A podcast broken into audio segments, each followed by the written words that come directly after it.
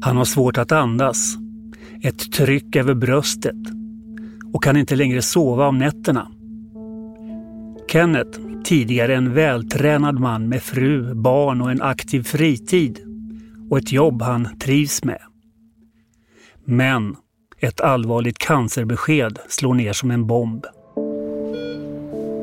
Du lyssnar på berättelsen om hur Kennets immunförsvar lärde sig att bekämpa hans cancer. En dokumentär från Karolinska Universitetssjukhuset.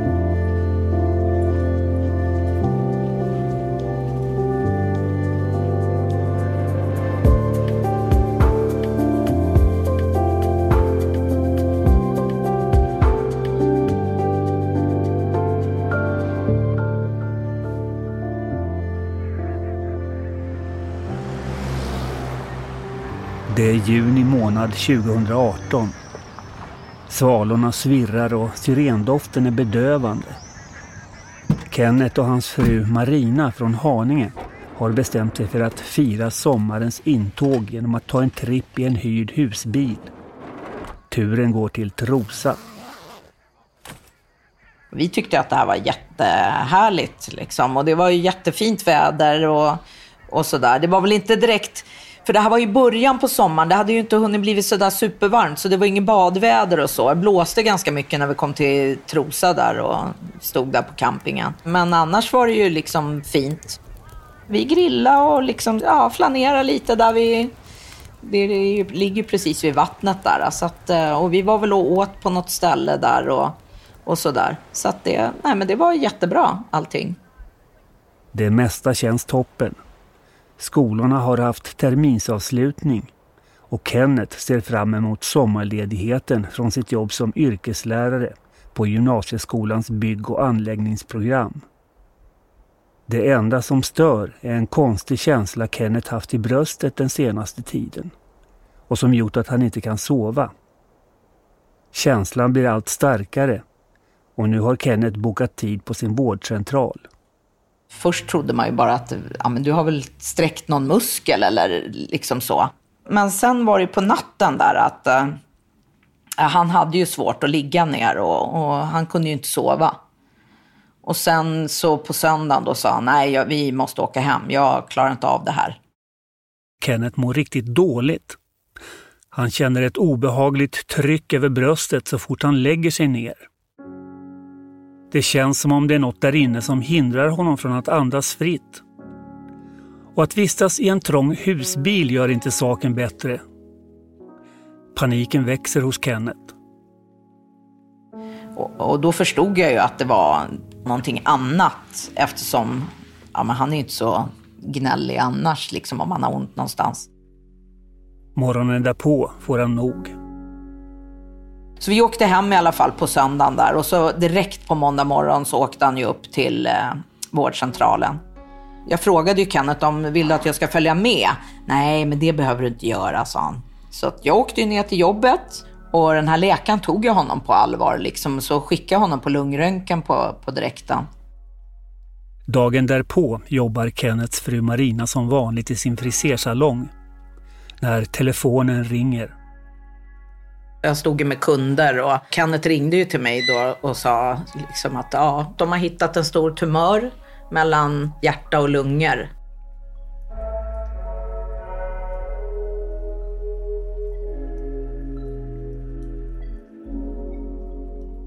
Tumören är stor som en knytnäve.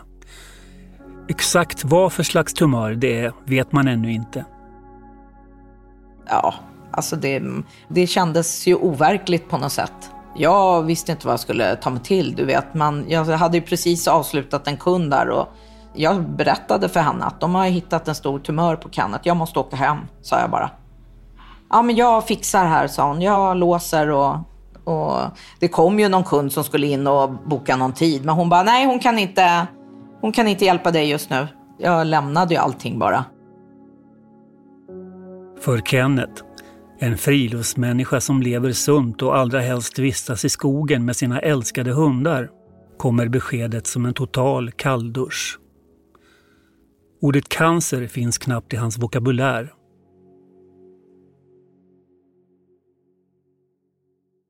Det var ju som att gå rakt in i en dörr. Faktiskt. Det gick liksom inte att öppna den där dörren.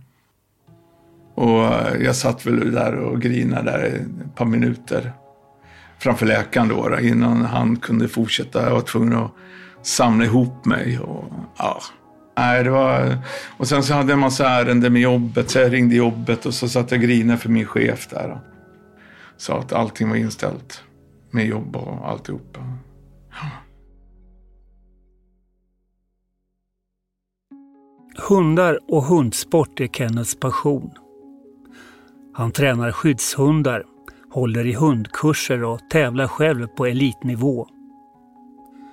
Och det är där han först märker att orken plötsligt börjar tryta. Loss, loss, loss. Eftersom jag håller på med skyddshundar så får jag springa mycket för att eh, hundarna ska ju bita mig liksom, kan man säga lite grovt eh, sett säga. Och då vart det jäkligt andfådd. Vart jag. Eh, jag orkade springa 25 meter och sen stod jag bara och flämtade. Och eh, ja, hade svårt med andningen. Så det var så vi började märka från början. Plus att jag eh, hade svårt att sova på nätterna.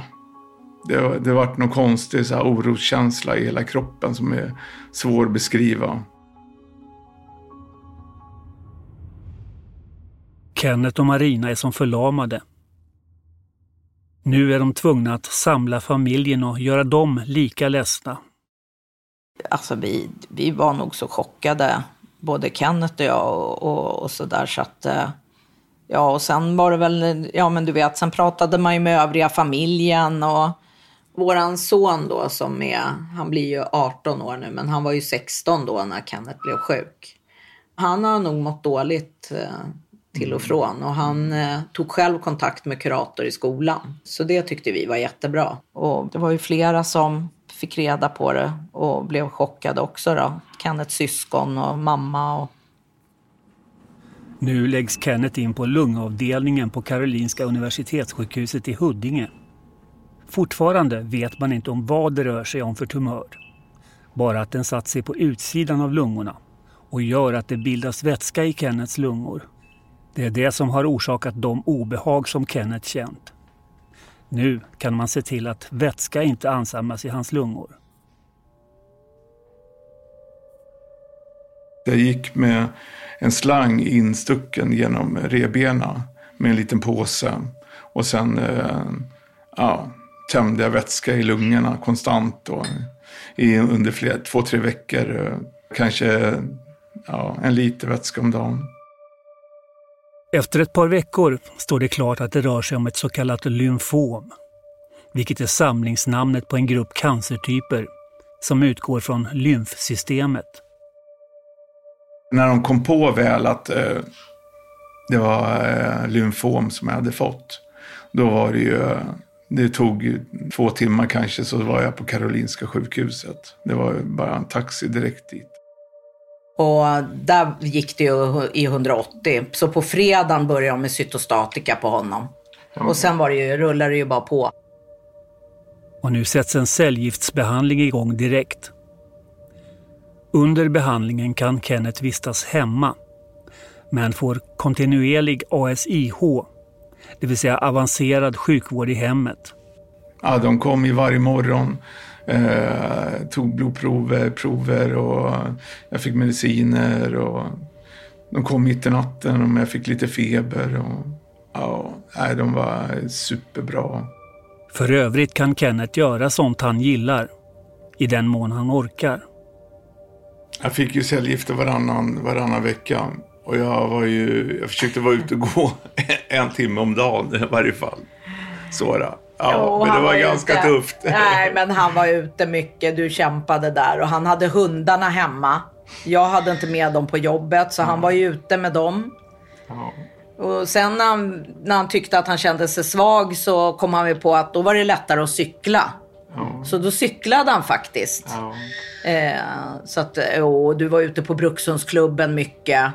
Och, och satt där i den här jag menar det här sociala och den här gemenskapen som man har. Mm. Så att det, det hjälpte ju dig mycket. Tror du att dina hundar, alltså att de uppfattar att, att husse inte mår bra eller? Absolut. Nej, hon blev mera klängig. Jag liksom skulle ligga bredvid och så. Så hon märker det. Om jag har tagit blodprov till och med så märker hon det. Så att, eh, ja. Det är hon som låter där bakom. Men trots att cancern tar på krafterna är det tufft för en aktiv man som Kenneth att ha en tom kalender. Att inte få träffa sina elever eller tävla med sin hund gör honom helt enkelt rastlös.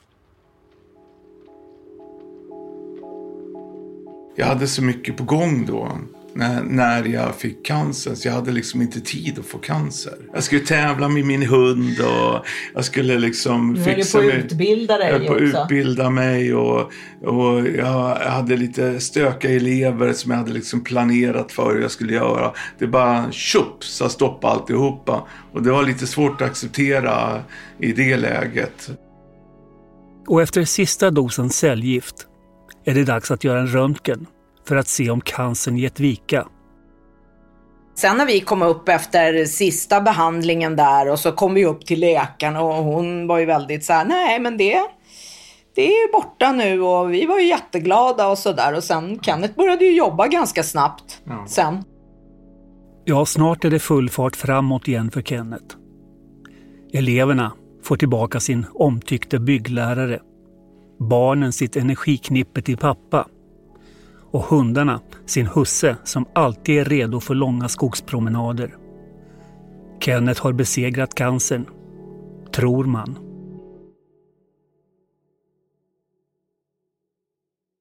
Min cancer kom tillbaka någon gång i maj på jobbet, märkte jag. Då hade jag fått, det flyttat sig så att då hittade jag knölar på rebena på vänster sida. Och lite grann längre bak också på rebena, bakom ryggen där. Och någon var ju större än den andra liksom. Men det var ju flera stycken. De växte ganska, det gick ganska fort. Ja. Så man såg att de liksom blev större. Det var ju ett bakslag faktiskt. Ja, det. Då var det ju bara att åka in igen. Cancern är tillbaka. Kenneth känner ångest över att ännu en gång behöva få deltagande blickar från omgivningen. Han vill inte att man ska tycka synd om honom. Han vill bli frisk. Jag gick inte ut riktigt eh, till alla att jag hade fått cancer. Så att jag fick väldigt mycket sms eh, från folk och de frågade om jag mådde eh, och sådana saker. Och, och jag kunde inte riktigt svara på de där smsen faktiskt. Det var jättejobbigt att svara på de där smsen. Det blev för nära liksom. Så, då. så att eh, andra gången när, när cancern kom tillbaka då eh, skrev jag på Facebook bara nu har jag fått cancer igen. Så att, typ. Så att då visste jag, då släpper jag och svara på alla de smsen. För det var nästan jobbigt att svara på dem. Det blev för personligt liksom.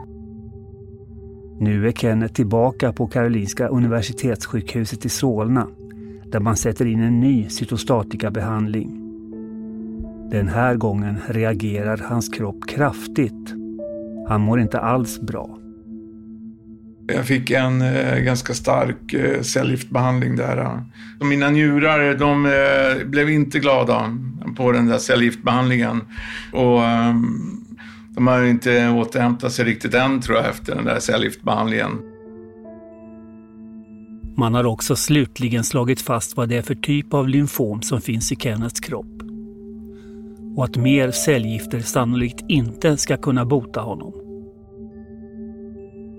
Ja, det tog tid för, för dem att hitta vad, vad, exakt vad det var för sort.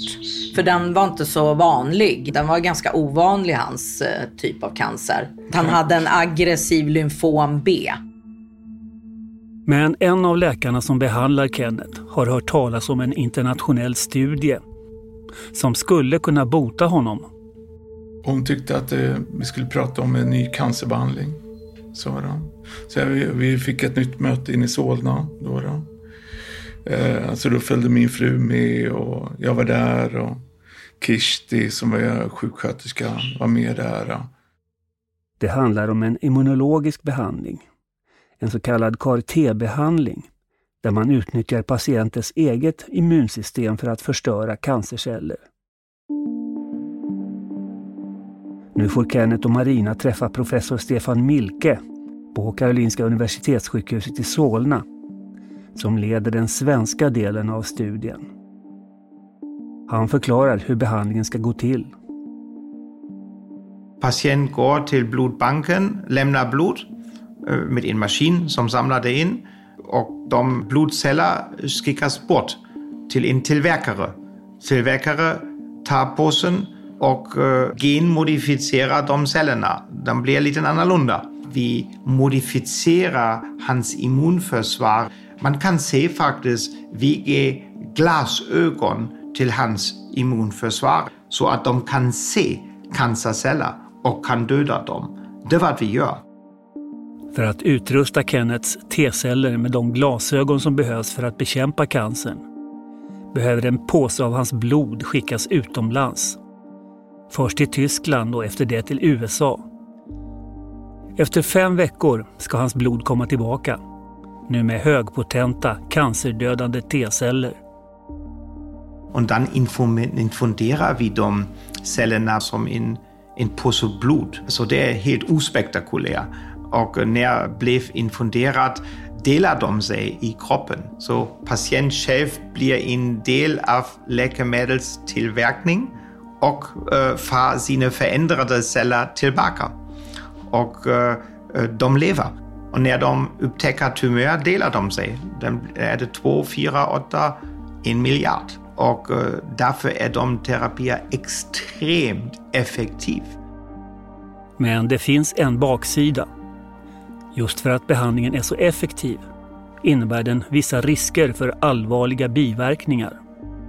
Jag var väldigt öppen och väldigt ärlig vad vi kan erbjuda och varför vi tänker att han är rätt patient. Vi har berättat eh, hela situationen till honom. Vi har förklarat alternativ. Vi har förklarat att vi inte vet vad kommer ut. Vi har förklarat att det kan finnas livsfarliga biverkningar. Så han var, jag vill inte säga chockad, men han, han fick ganska mycket information och inte allt var trevligt vad vi levererade. Ja, jag fick ganska noggrant veta vad det var för någonting. Ja, absolut. Och jag fick en hel bunt som vi skulle läsa igenom med eh, massa olika mm, fel som kunde hända. Ja, det var ju det här med afasi och ja, svullen hjärna. Eh, han kunde ju hamna i koma. Mm. Eh, kunde han göra. Så att, eh, det, var, det var ganska många grejer. Ja. Var det. Tvekade du någon gång med, tanke på eh, de möjliga biverkningarna? Ja, det är klart. I och med att eh, allting var nytt också. Nya saker är ju alltid lite mer läskigt. Medan man gick och väntade på att få den här behandlingen så kom ju liksom skräcken in lite grann. För man vet ju ändå att ja, men cellgifter, det vet man ju vad det är för någonting. Men det här nya, det blir ju lite läskigt faktiskt. Fast det kändes ju som att välja mellan pest och kolera liksom. För han menar ju på det att eh, en till cytostatikabehandling kommer ju inte hjälpa. Så att mm. någonting måste de ju göra. Tusen tankar snurrar i Kennets huvud. Och han skaffar sig ett bollplank på sjukhuset. Kirsti Niemela, forskningssjuksköterska på Karolinska i Huddinge och en i kretsen kring professor Stefan Milke och hans forskningsteam. Kirsti kan Kenneth kontakta när som helst med sina frågor och eftersom det blir många sjukhusbesök kommer samtalen ibland att handla om annat än det rent medicinska. Vi hade ju väldigt många besök, vi kallar det för studiebesök, när han kom till sjukhuset här och eh, både information och vi tog mycket blodprover på honom. Och vi hann ju prata en hel del under de här besöken. Och ja, vi, vi lärde känna varandra. Han, vi var ju privata, personliga med varandra förstås. Det blir man ofta när man träffas så ofta och så länge. Vad pratade ni om? Vad ville han veta?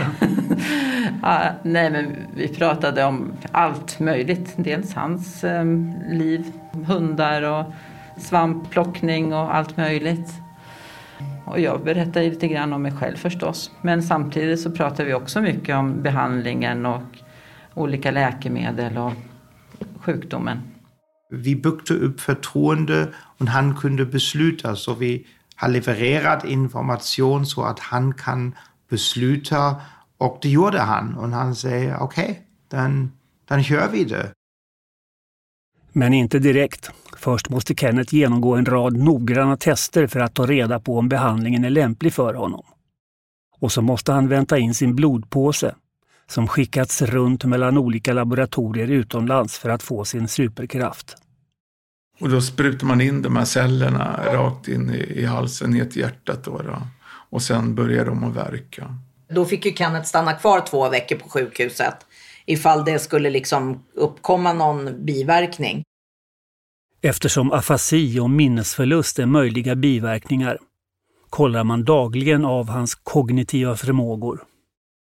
I och med att man kollar på afasi och eh, mycket med tankar och så, så, så jag skulle räkna bland annat från hundra neråt och dra av sju på varje. Kenneth får också dagligen rabbla en mening som han själv bestämt innan behandlingen. Det görs för att kolla att hans minne fungerar som det ska. Då var det ju varmt och soligt ute och jag ville bara hem och, och jag hade fått någon sån här grillnoja så jag satt och kollade på YouTube-kanaler och hur man, med olika grillmetoder och sådär så att jag ville bara hem och grilla. Så min mening var att jag, jag ville hem och grilla. Kenneth var den första patienten i Sverige som behandlades med det som kallas andra generationens CAR-T. Ingen visste om och i så fall hur hans kropp skulle reagera på de genmodifierade cellerna. Alla på sjukhuset var ju så himla sådär äh, taggade till den här behandlingen. För alla har ju liksom, de hade ju jobbat med det här så himla länge och Stefan hade ju hållit på att förberett alla liksom under ett par års tid vad jag förstod. Så just eh, det här när Kenneth skulle få tillbaka sina T-celler då, då var ju alla sådär ah, på tårna och de stod ju nästan givakt för han har väl liksom eh, tränat upp den här personalen till att skulle det hända att han skulle få någon biverkning så skulle de snabbt kunna gå in och åtgärda då. då. Säkerheten kring honom var rigorös med ständiga tester och mätningar av hans tillstånd. Han hölls också isolerad på grund av den höga infektionsrisken. Han fick ju inte gå ut från det här rummet heller. Han fick inte, han, och det var sådär äh, två dörrar in till hans rum så ingen fick komma in där. Det var ju liksom bara en viss personal mm. som fick gå in. Jag bråkade till och med med läkarna om det där att jag skulle få åka hem för att jag kände att äh, nu är det dags. Jag kommer mycket väl ihåg det. Det satt ett helt gäng läkare där och jag frågasatte frågasatte dem. Men jag blev kvar i varje fall några dagar till och sen fick jag åka hem. Kenneth längtar verkligen hem till hundarna och familjen. Och efter två veckor kan han lämna sjukhuset. Men med strikta förhållningsregler från läkarna. Ja, men det var det första han sa när han kom hem från sjukhuset. Jag måste ut i skogen. Så då, det var det första. Vi åkte direkt till skogen. Ja. Vi var bara hemma och hämtade hundarna och åkte direkt till skogen. Mm. Från när han hade legat på sjukhus. Vi var ute i skogen och plockade svamp. Ja. Jag satt på en stubbe, vila och hon kutade runt där. nu har två och ett halvt år gått. Och för Kenneth är det full rulle som vanligt. Ja, det är jobba. Familj, träna hundar, hålla hundkurser. Ja, nej. Vi har startat lite företag med hundkurser och sånt där. Men Kenneth och professor Milke kommer att ha med varandra att göra i många år än. Ja, vi kommer följa upp Kenneth väldigt långt. alltså 15 år minimum. Ingenting aktivt är verkligen kvar. Han har återhämtat sin livskvalitet, så vi, vad vi gör med honom, vi ser honom um, regelbunden att säkerställa att han mår bra. Helt klarade sig Kenneth inte från biverkningar. Även om de är ett pris han gärna betalar för att ha besegrat cancern. Eftersom hans terapi fungerar så jättebra äh, har vi en liten biverkning att vi måste ersätta hans antikroppsproduktion det hänger ihop att hans terapi dödar nu hans immunförsvaret eller en del av detta så kallade B-lymfocyter som producerar normalvis antikroppar. Han får regelbunden antikroppsinfusion så att han kan skydda sig mot infektion. Men snart behöver Kenneth inte längre göra de täta resorna till Karolinska för att boosta sitt immunförsvar. Det kan han sköta själv i hemmet. Jag går på kurs. Ja. Jag ska börja ta medicin i och med att jag har lite dåliga, mina B-celler borta. Annars har det varit en gång i månaden som han har åkt och fått den där mm. behandlingen. Men nu har det ju varit några, under några veckor här som han ska lära sig det själv. Mm. Så han kan ta den här immunbehandlingen själv hemma. På kuppen har Kenneth fått en kompis som delar hans hundintresse. Det var någonting eh, som vi hade gemensamt. Vi båda gillar hundar. Och eh, ja, om jag går tillbaka till hela behandlingen i sjukhuset, jag tror vad vi har mest pratat om är hundar. och det var också någonting bra. Så vi, vi, vi hade det roligt med varandra. Uh, och uh, vi hade fortfarande roligt och uh, vi har byggt upp en, en, en relation av trygghet och trovärdighet som vi vill fortsätta. Det är svårt att tro att det är samma man som för inte så länge sedan inte kunde gå 50 meter utan att tappa andan av utmattning. Familjen, hundarna och skogen.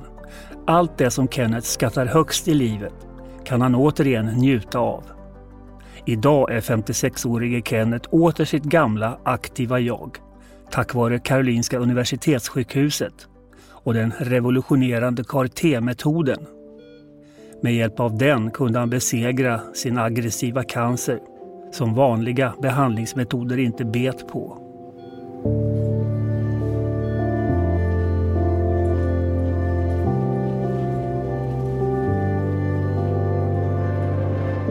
Du har lyssnat på en dokumentär från Karolinska Universitetssjukhuset producerad av Munk Studios.